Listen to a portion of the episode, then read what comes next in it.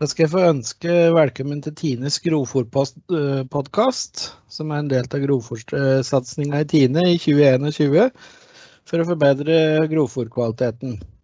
I dag har jeg fått med meg to fra Yara. Det er Jan Eivind Kvam Andersen og Håvard Bjørgen. Vi skal prate litt om mineralgjødsel, og vi skal innom forskjellige måter vi kan bruke den best mulig på. Så hjertelig velkommen til dere. Takk for det. Takk du.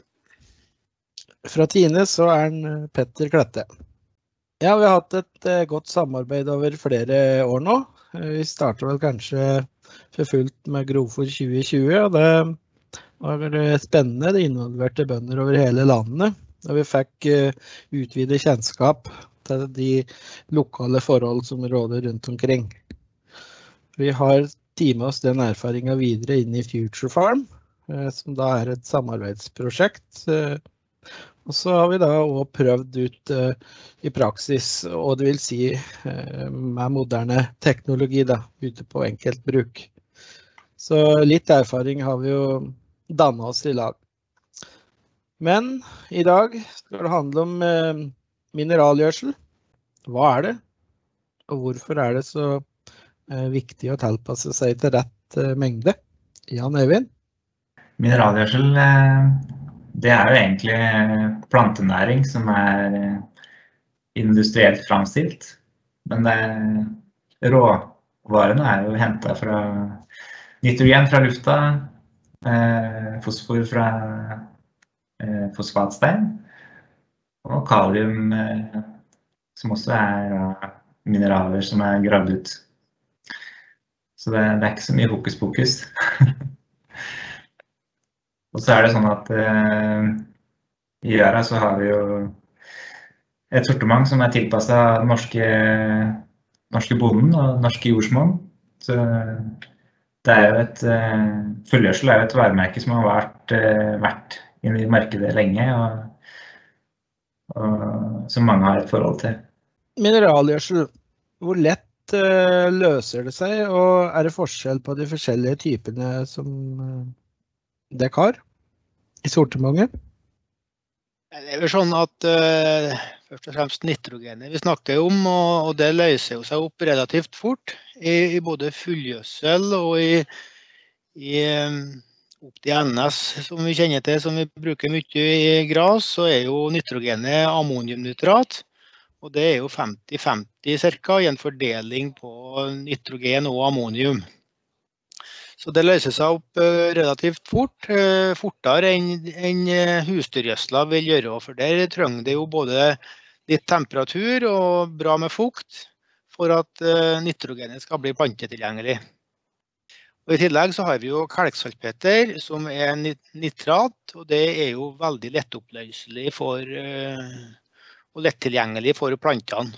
Så hvis du skulle ha en kjapp boost med mineralgjødsel, så vil vi anbefale kalksalpeter. Du nevnte også gjødsel, husdyrgjødsel. Når du da skal, hva tenker vi når du skal kjøpe inn gjødsel til skiftene dine? Hvordan vil du planlegge det i et bruk som da har husdyrgjødsel? De fleste mjølkeprodusenter som har jo ganske store mengder etter hvert, så hvordan legger vi inn det fornuftig i en god gjødselplan?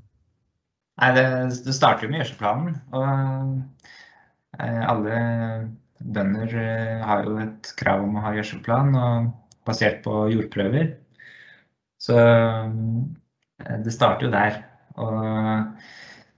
Og så må man jo sikre at man får en balansert gjødsling, og at de næringsstoffene som fjernes erstattes igjen da.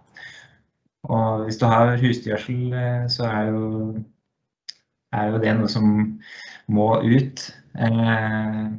Og da er det viktig å tilpasse mineralgjødselen til husdyrgjødselen sitt innhold. Ja, hva er det som er fordelen med å bruke begge deler sammen kontra mineralgjødsel eller husdyrgjødsel alene? Nei, du kan si at de utfyller jo hverandre, eller husdyrgjødsel det inneholder jo ofte en del fosfor og kalium. Men så er det jo kanskje at du har behov for mer svovel og nitrogen enn det som husdgjødsla alene klarer å tilføre. Da. Ofte så er den svovelen den er ikke så veldig tilgjengelig i, i, på våren. Og da, hvis du får en kald vår, så ser du ofte svovelmangel der hvor du ikke har eh, tilført mineralgjødsel med svovel. Det med svovelmangel var jo egentlig Det kom jo litt eh, når den eh, sure nedbøren eh, begynte å minke. Så ser en at en den får mindre eh, svovel fra lufta, og da, da må man tenke mer på å tilføre svovel fra mineralgjødsla for å få nok. Det med svovel er også det at du Hvis du tilfører mer nitrogen, så må du også tilføre nok svovel. For hvis ikke så, så klarer ikke planta å utnytte nitrogenet du tilfører, hvis, ikke du, hvis du ikke får med nok svovel i tillegg. Og så er det vel et eh, brukbart svovelinnhold i all fullgjødsla vår. Og i tillegg til de til både Opti NS, som har 4% svovel, og Sulfan, som har 6% svovel, så vil du jo er jo sortimentet laga slik at du, du, vil eh, tilføre en brukbar mengde med, med svovel når du bruker både fullgjødsel og ren nitrogengjødsel. Men eh, kalksalpetteren derimot, den har ikke noe videre med svovel. Så har vel litt for eh, kvaliteten og, og protein å si, har det ikke det? Man kan si at svovel også er viktig for å bygge proteiner. Og, eh, rett og slett å utnytte den nitrogenet som du tilfører. Så i et sånt klimaperspektiv så er det jo desto viktigere å få en god nitrogenutnyttelse. Og da, da, er det viktig å balansere med, med svovel. Eh, tilbake til husdyrgjødsla. Eh, hva skal vi ha fokus på med den? Ja, vi har jo noen eh, punkter som vi tenker er litt viktig å ha på plass. Eh, det første så er det jo det å analysere husdyrgjødsla. Eh, gjerne ta en husdyrgjødselprøve, for da vet du mer om hva husdyrgjødsla inneholder. Det, det, vi ser er at eller når vi hadde, tok noen husgjødselprøver i det eh, Bysjelo-prosjektet, så så vi at det, det var mer vann i husgjødsla enn det vi kanskje trodde. Og at det var eh, eh, klart når I forhold til normtall, så hvis du har mer vann, så vil du også ikke få så mye tilført av fosfor og kalium som det du kanskje tror at du tilfører. Så så det å vite hva du har eh, i husdyrgjødsla, det, det, det, er en veldig viktig start. Og nå som eh, folk eh, legger om til løsdrift og kanskje har robot installert og store gjødselkummer, så, så, vil det føre til at det mer av husdyrgjødsla blir Eller har en større andel som er, som er et lavt tørrstoffinnhold. Så er det en annen ting, og det er at eh, når du kjører på jorda så, og sprer husgjødsel, så er det også viktig at, ikke, at jorda er laglig. For det er jo klart Én ting er hvis du har eh, slepeslanger, men hvis du kjører med tung vogn, så kan det føre til jordpakking. Og det, det er ikke noe særlig heldig. Eh, det er en kjempefordel egentlig med slepeslanger hvis du, i hvert fall hvis du har litt bæresvak jord i utgangspunktet. Og så er det det å få på husdyrgjødsla tidsnok, og ikke drøye for lenge etterslått. Det å få næring tidlig inn i inn etter slått, det, det, ser vi at det har en stor effekt på, på avlinga. Og hvis du, hvis du er for seint ute, så kan det også være med å forurense bladverket mer enn nødvendig. Så få det på tidlig, så fort som mulig etterslått, få på husdyrslag. Så er det selvfølgelig en fordel at, eh, at det ikke er eh, At det er litt sånn overskya og, og, at det ikke er sånn knallsteikende sol. For da risikerer du også at du taper en del av nitrogenet i form av ammoniakktap. Hvis de tingene er på plass, så, så, er det bra for hvert fall at du utnytter husgjødsla best mulig. Da. Det høres ut som gode råd. Ehm, da er vi over på råd. Det er klart det er noen prisforskjeller ute og går på gjødsel. Da. Hva kan vi spare på å bruke husdyrgjødsel konsekvent? En Håvard, kanskje? Ja, nei, altså det er klart at Husdyrgjødsel det er jo en ressurs som du har på gården, og den, den er du jo nødt til å bruke. Eh, og sånn at eh, Verdien og næringsinnholdet som er i den gjødsla, det er jo en, eh, det er en stor pluss for, for gården. Og så er jo kunsten da, å kjøpe et gjødselslag og rett mengde, som gjør at eh, summen av det som er i husdyrgjødsla og mengden, og det du tilfører gjødsel, stemmer sånn noenlunde med, med det du fører bort i, i, avling. Og Det er jo det som er, liksom, er kunsten med å sette opp en gjødselplan, at du får til dette noenlunde riktig. Så vil det jo være sånn da, at det å kjøpe et, eh, et fullgjødselslag som er rikt på både fosfor og kalium i tillegg til nitrogen, det vil jo være litt unødvendig hvis at du dekker opp langt på vei både fosfor og kalium med husdyrgjødsla. Så det er jo det som er litt som utfordringen her, med å finne noen gjødselslag som i sum blir det, det som er riktig for deg. Ja, det er viktig å ta husdyrgjødselprøver kanskje, da? Ja, det vil det jo være, for den vil jo variere ganske mye hva som er innholdet, i, innholdet der. Og ikke minst det her med hvor mye vann det da er i gjødsla. Så vil du jo få en, en utvatning av innholdet, så, så, det vil være rett. Så pass på å røre opp eh, kjelleren og eller kummen og ta en prøve, det vil være lurt. Da får du litt kontroll på hva du har ut. Så kan en jo tenke seg at hvis en skal, en skal spre litt og skal lyst til å variere bruken av husdyrgjødsel, det er jo fullt mulig. Så kan en jo enten i anleggsåret eller om høsten eller når en skal spre, eh, eller hele året ha på mer der en har ei fosforfattig jord f.eks. For, for å prøve på på lengre sikt å bygge opp eh, fosforreserven i jorda med en fornuftig bruk av husdyrgjødsla. Da skal vi vri oss over på tidspunkt for spredning. Eh, hvor lenge før slått, eller etter slått, eh, kan det gå før du bør få ut gjødsla?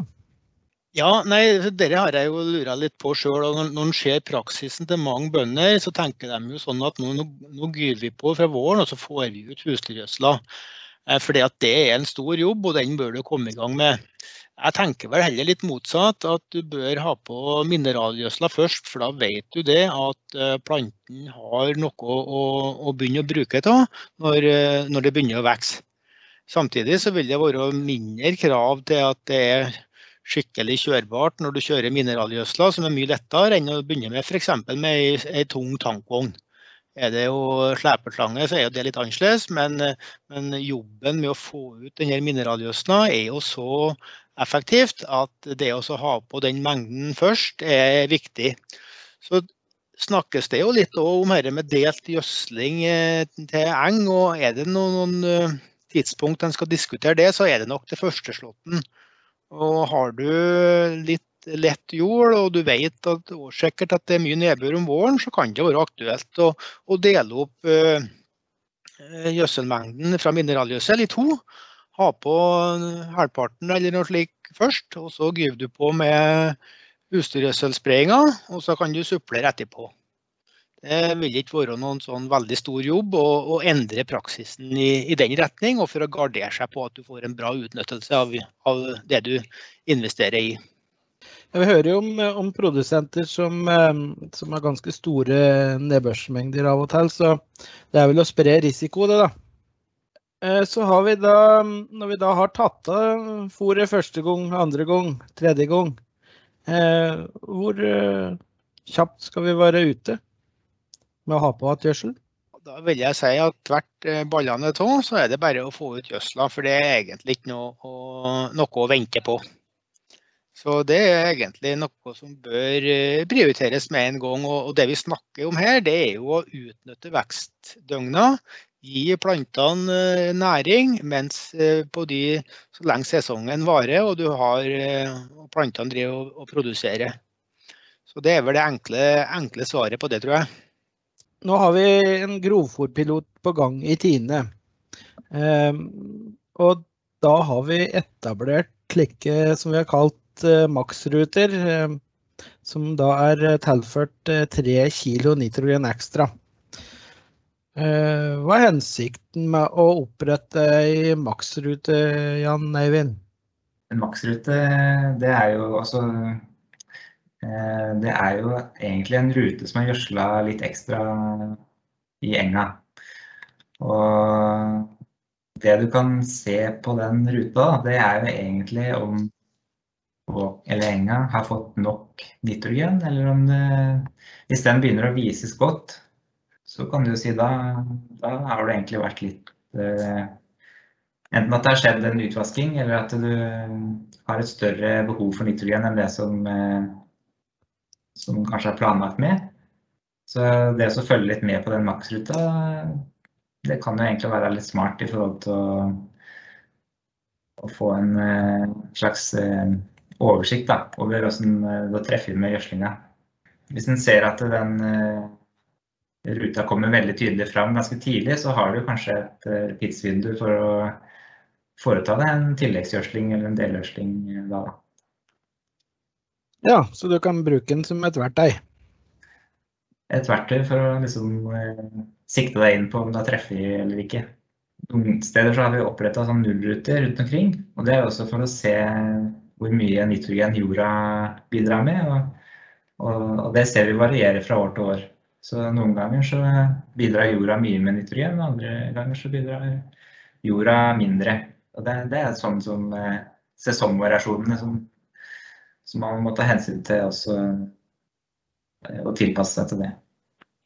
Eh, vi skal jo òg, i den grovfòrpiloten som vi har nå i sommer, så skal vi jo òg måle eh, næringsinnhold både i, eh, på, et, et uttakspunkt og maksruta ved sida av. Så det skal bli litt spennende å følge med på det framover.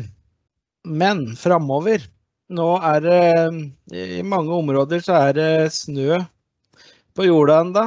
Eh, vi har hatt en veldig kald vår. Hva skal vi gjøre nå, da? Når, eh, når sesongen er forsinket, påvirker det gjødselbehovet? I gammel mal så skulle du jo ofte justere litt ned når sesongen var forsinket, men er det noen betenkeligheter ved å justere ned eh, gjødselstyrken?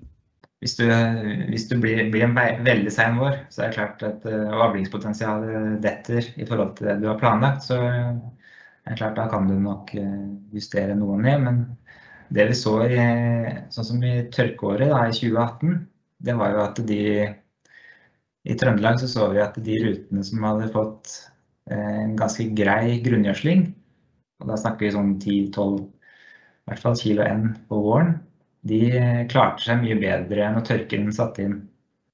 Eh, der hadde vi mye bedre gjenvekstevne enn der hvor det var eh, dårligere gjødsla, kan du si. Da. Så det, er jo en, et poeng at eh, hvis du klarer også Hvis plantene har et greit utgangspunkt til etter, etterslått, med at du har tatt opp en del næring, så vil det det vil ikke være bortkasta, det. det. Det vil være veldig positivt for gjenvekstevnen. Ja, vi vet aldri åssen eh, sesongen blir, men eh, det vi vet, det er jo at i dag så har vi jo med oss to habile korndyrkere. Og vi har ført denne minuttkampen deres, og vi har jo sett litt på åssen dere har jobba aktivt da, for å få mest mulig ut av skifte, deres egne skifter. Vi får vel kanskje um, starte med en Håvard, da, som uh, stakk av med det lengste eller det gjeveste trofeet blant Yara-agronomer i fjor. Og så får vi høre litt Hva er det du legger vekt på, Håvard, du først, da? Når du skal drive optimal skiftebruk? Ja, ja, i den grad vi kaller dette noen konkurranse, så klart jeg stiller ikke med noe handikap. Jeg er jo så heldig at jeg har veldig, veldig bra jord der jeg driver, og det er jo et veldig godt utgangspunkt eh, for å lykkes med å med å få til gode avlinger. Eh, den holder veldig godt på vannet, og er veldig god til å drenere bort hvis det blir for mye vann. Og hun er næringsrik og lett å holde en god struktur på. Eh, men jeg er nok veldig opptatt av å komme i gang i rett tid om våren. Tvert er kjørbart, så vil jeg få kornet i jorda. Og det viser seg at ni ni av ti år så er det best avling hvis du får sådd så tidlig som mulig. Så er det jo de vanlige agronomiske tiltakene. da, Kalking presisjonskalka før i høsten. og La på mer og mindre kalk i forhold til hva som ble registrert med pH-en på jordprøvene. Eh, det er jo kjekt. Og så er jeg vel litt sånn nerd med at jeg vil kjøre minst mulig. Jeg vil pakke jorda minst mulig. Jeg bruker eh, mange vil si små traktorer. Iallfall eh, er jeg nøye på hjulutrustning for å skåne jorda så mye som mulig. Så ja, det er i hvert fall en, å få en god start, så tror jeg dere er viktig. Hva tenker du Jan Eivind? Du er vel ikke, du er vel ikke helt uenig med meg, for å håpe? Nei, det er, det er, egentlig akkurat det samme som i grovfordyrkingen. At du må passe på både rett kalktilstand og rett eh, at du har drenert jordet ditt, og at eh, du er forsiktig med å kjøre utpå når det er for bløtt. Eh, de tinga der. Og Så er det det som du sa med timing, da, at du prøver å være litt i forkant og, og heller være litt uh, føre var enn etter snar. Det tror jeg er smart. Når det gjelder gjødsling, så ser jeg jo det at uh, jeg begynte jo med det for en 20-25 år siden. Og, og, da lå den jo kanskje på en 12 kg nitrogen eh, til, til bygg. Og, men en ser jo det at med nye sorter og, og, litt lengre sesong, så er det jo fullt mulig å, å, å utfordre det litt. Så De siste to-tre årene så har jeg nok torsa gått opp i 16 kg nitrogen på, på, bygget. Men det som er så elegant nå, da, det er jo det at du kan i mye større grad få en effektiv delgjødsling. Så da kan en jo gi en del grunngjødsling. Eh, og da vet du at du skal utpå med mer senere. Og da kan du liksom finjustere det da med, med, mengden i forhold til sånn som året ble, og sånn som åkeren ser ut til å bli i forhold til behovet. Og så er det òg veldig elegant at da kan en legge på mer og mindre på åkeren der en trenger det. Hvis en da overgjødsler tidlig, så kan en gi mer der det er litt eh, tynn og, og dårlig åker. Og når en kommer på slutten, f.eks. på kveita, når en ønsker å ha et høyt proteinnivå, så, så legger en på mer gjødsel der det er god åker, og tenker en motsatt.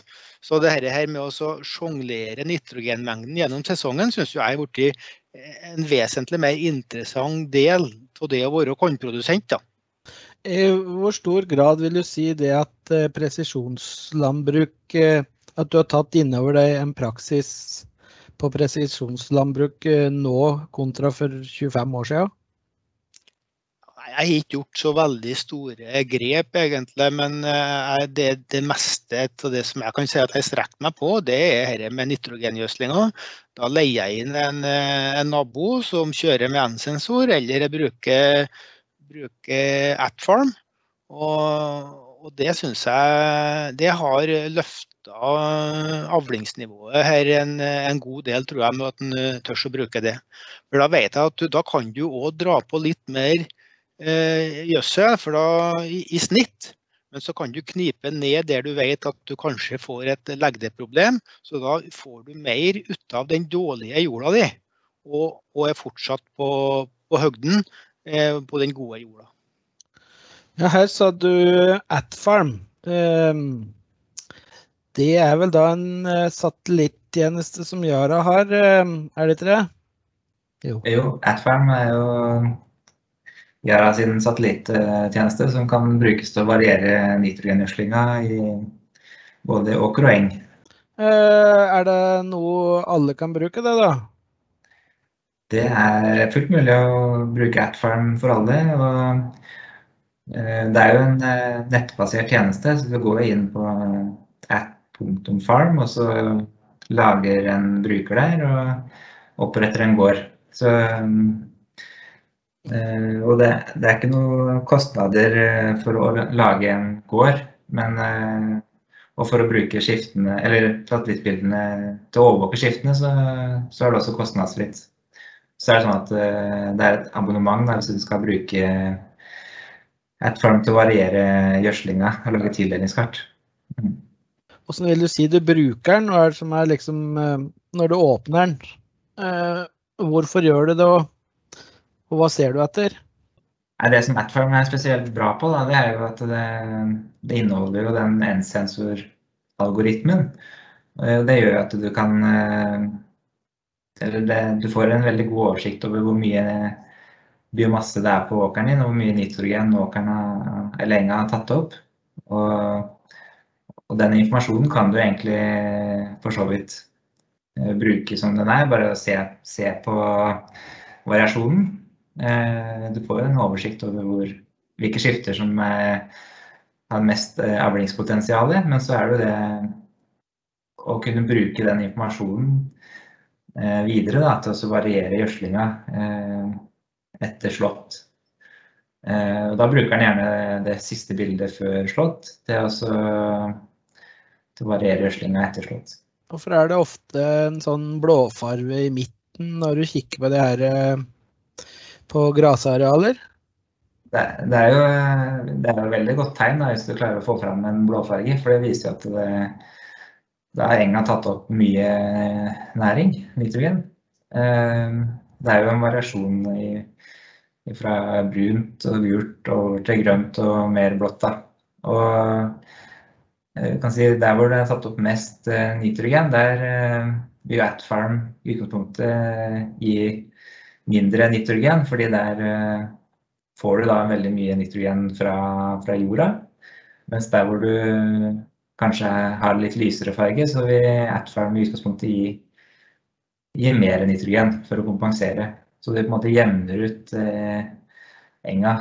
Det er det vi kaller utjevningsmetoden, eller eh, Robin Hood-metoden, for sånn enkelt forklart. At du tar fra de rike og gir til de fattige områdene. Ja, Så nå har eh, Robin Hood uh, nådd satellittene. Ikke verst.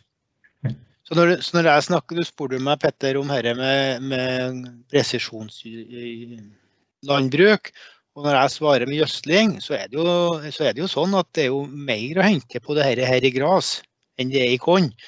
For på kornet så legger du jo 70-80 av gjødsla fra våren flatt med såmaskiner, kombimaskiner. Og så kan den jo variere med de siste prosentene, mens det aller meste av mineralgjødsla på gras den kan du jo variere med hele, eh, hele, mengden. Så Slik sett så er jo interessen og potensialet med variert høsting på gras større enn det er på, i kornproduksjon. Er det andre ting vi skal være obs på rundt disse her skiftebruken vår og de farven vi, farven vi ser her? På kartet så ser du gjerne at det er litt lysere vekst eh, på vendeteigene. Og det er ikke nødvendigvis eh, mer behov for gjødsel på vendeteigen. Eh, det kan jo være andre ting som spiller inn. Det kan være jordpakking.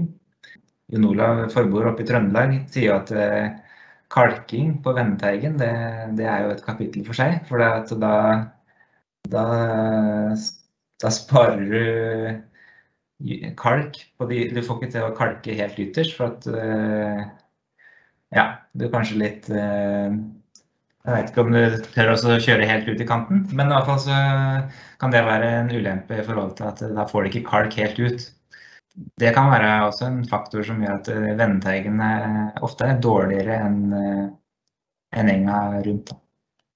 Ja, det er vel litt sånn spredebildet har vært på, på fanesprederen på husdyrgjødselvogna over tid.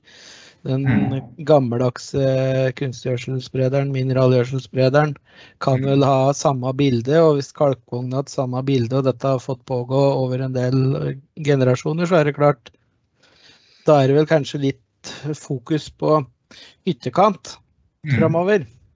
Absolutt.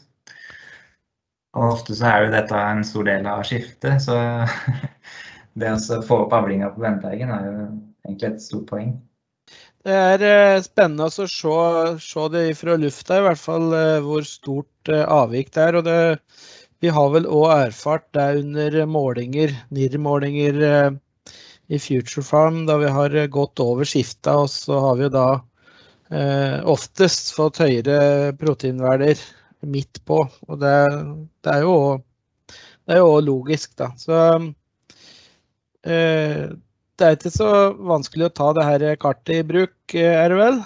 Du kan eh, klare deg sjøl. Eh, og det er nesten en fordel å lage tegne og studere kartet sjøl. For at, uh, ofte så er det jo du sjøl som veit best åssen variasjonen er på skiftet.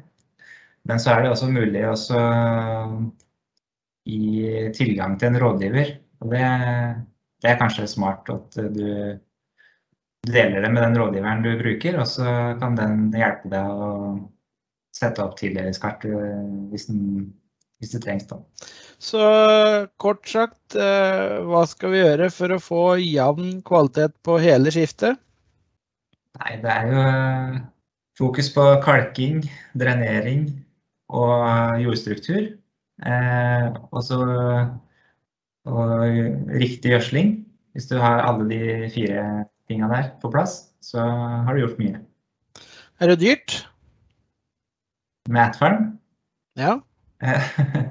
Nei, altså Det å abonnere på Atfarm koster Hvis du skal koster jo ikke noe å overvåke skiftene, som sagt, men hvis du skal ha tildelingskart, så koster det da 1950 kroner for eh, et årsabonnement. Og det har vi regna ut eh, tilsvarer prisen på tre til fire rundballer. Så om det er dyrt eller ikke, det vet ikke, men det er i hvert fall sånn det er. Eh, er det da mulighet eh, for de som da ikke vil investere i en sånn GPS-styrt, avansert mineralgjødselspreder, er det mulighet for de å, å prøve seg fram med teknologien som ligger der, eller?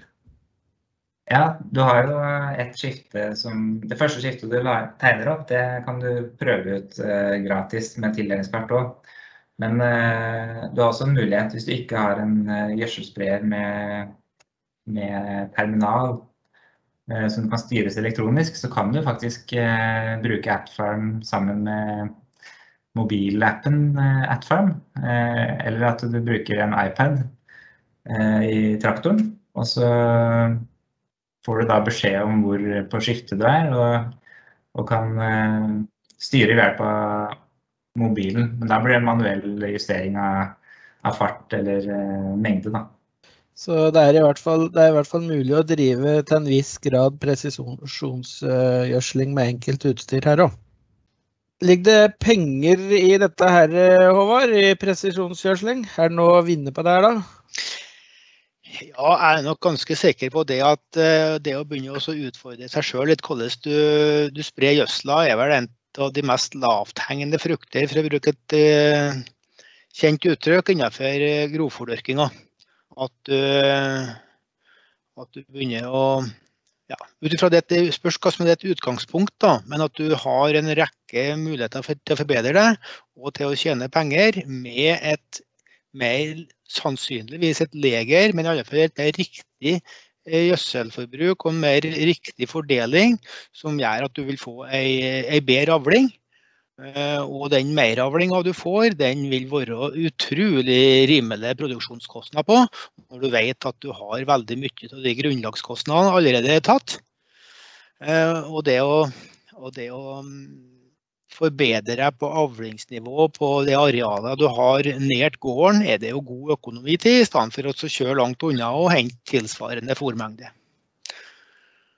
Så begynner en å se litt på hva, hva det er, hvilke forbedringer som kan ligge i det. Så er det jo først og fremst eh, en, si, en seks faktorer vi snakker om. og Det er jo at du vil få et leger gjødselforbruk fordi at du han stopper jo sjøl for å hindre at han får overlapp i kiler og på vindteiger og sånt. Så får du jo et jevnere spredebilde. Vi har jo sett en del skrekkeksempler på eng som er stripete, lysegrønn og mørkegrønn fordi at vi har skeiv tildeling. og det er klart at Da er det mye å hente på å få et sikrere og jevnere spredebilde. Og så er det jo her da med å ha en å ha muligheten for å gjøre en variert tildeling. Der er det mye å hente på å klare øke gjødselmengden litt. Der jorda har et dårlig bidrag, som vi har snakka om, og tilsvarende knipe ned litt på der vi vet vi kanskje får legge til. Eh, og I tillegg er det med kantsprayeren. Den er jo suveren med at du kan legge mye mer riktig mengde helt ut mot kanten på skiftet. Og et gjennomsnittlig skifte i Norge der har jo de ytterste 5-6 meterne det jo, kan jo fort utgjøre 12-15% av arealet. Så å få en mer optimal bruk av gjødsla og ut mot kanten, det, det vil gi mye billige fòrenheter. Og så er det jo med kapasitet. da.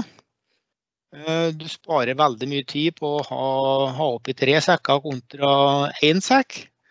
Og du kjører i GPS, så kjører du jo automatisk uten noe oppmåling, og du kjører rett imellom eh, hvert eh, draget. Og så er den kapasiteten du, du vinner her med å ha en fornuftig logistikk på andre enden som server deg med gjødsel, så er det en utrolig stor kapasitet. Så i sum så utgjør dette her eh, veldig mye, og tror vel det at, at de fleste vil kunne finne ut at de kan spare mellom 50 og 100 kroner per mål her med å endre, endre på praksisen. Alt etter om hva som er utgangspunktet for den enkelte. Mm. Ja, hvordan, hvordan, mener du de kan uh, tilpasse seg det her, da? Nei, altså, Jeg tror nok det fort kan finne et godt regnestykke på å, å, kjøpe deg en ny sprayer om du har en 300-400 eh, mål. Eh, har du en dårlig sprayer og en eh, gammel traktor, så vil jo det være en, eh, et annet regnestykke enn om du òg må opp med en ny traktor for å få gjort dette her. Men da skal en jo tenke på at det er jo fullt mulig å leie inn denne tjenesten.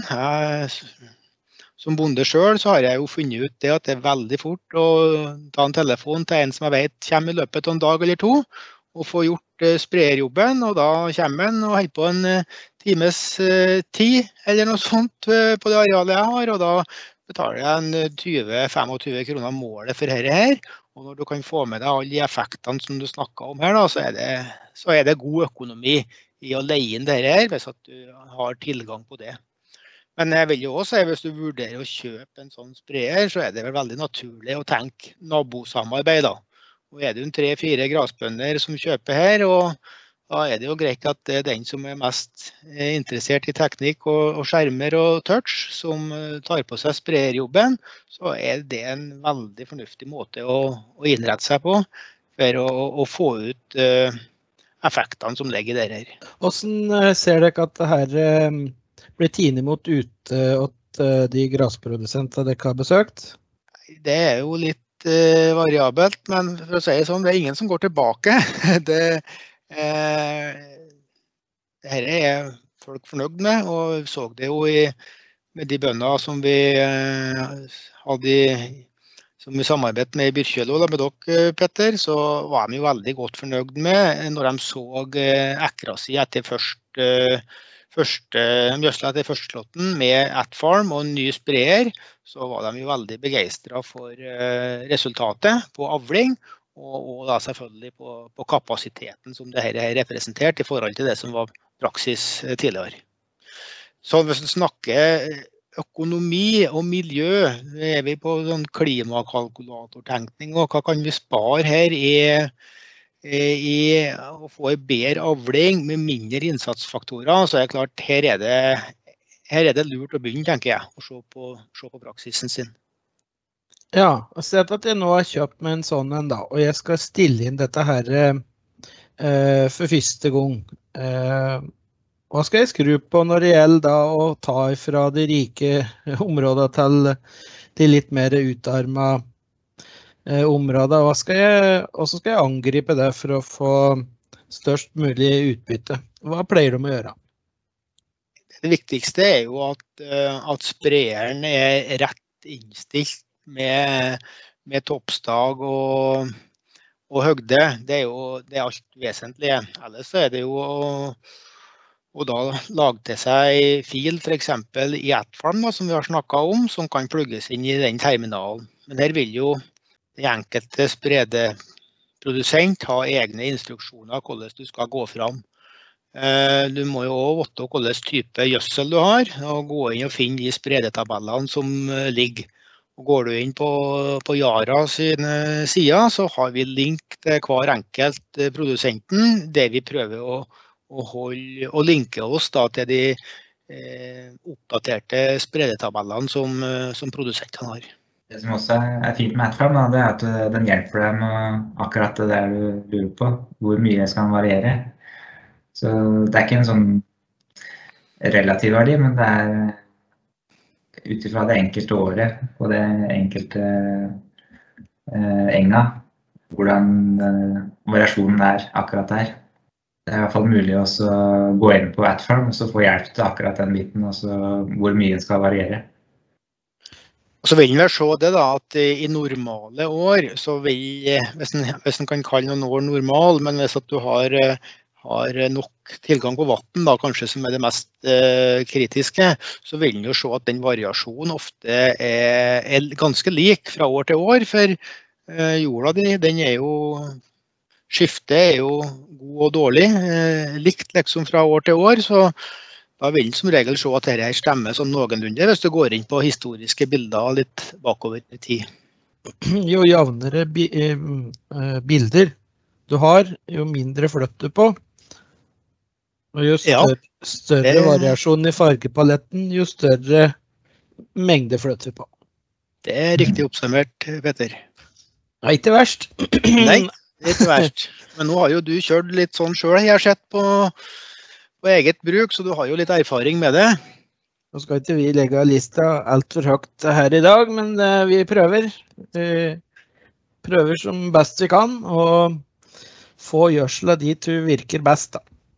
Er det andre kilder til kunnskap som det er lett for de som hører på i dag her å få tak i? Hva er det de har i Yara å by på? Altså, på hjemmesida vår så står det jo mer om Atfarm. Der kan du lese om eh, litt erfaringer rundt det. Og så har vi jo Gjødselaktuelt, da, som eh, kommer ut to ganger i året.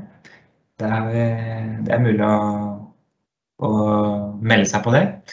Og så har vi også nyhetsbrev som vi sender ut eh, ja, ca. ukentlig da, i sesong. Så hvis dere ikke får det nyhetsbrevet, så må dere inn og melde dere på der på gjera.no. Ellers så har jo vi i lag da, eh, laga eh, noen slike nanosekvenser, som vi har kalt dem. Da. Vi har sånne korte kurs i grovfòrproduksjon som er tilgjengelig på Tine sin medlemsside. Det er jo åpent for alle. Det er bare å søke på Grovfòr 2020, og så kan de finne fram til det fagstoffet som ligger der. Det kan være eh, spesielle tema som de ønsker eh, Eh, belyst. Det kan være eh, noen eksempler her. da.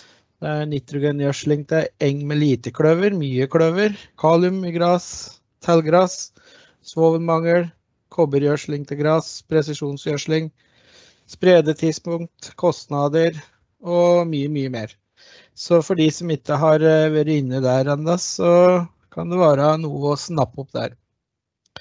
Ellers så tenker jeg det at da har vi vel vært innom eh, temaet vi skulle i dag.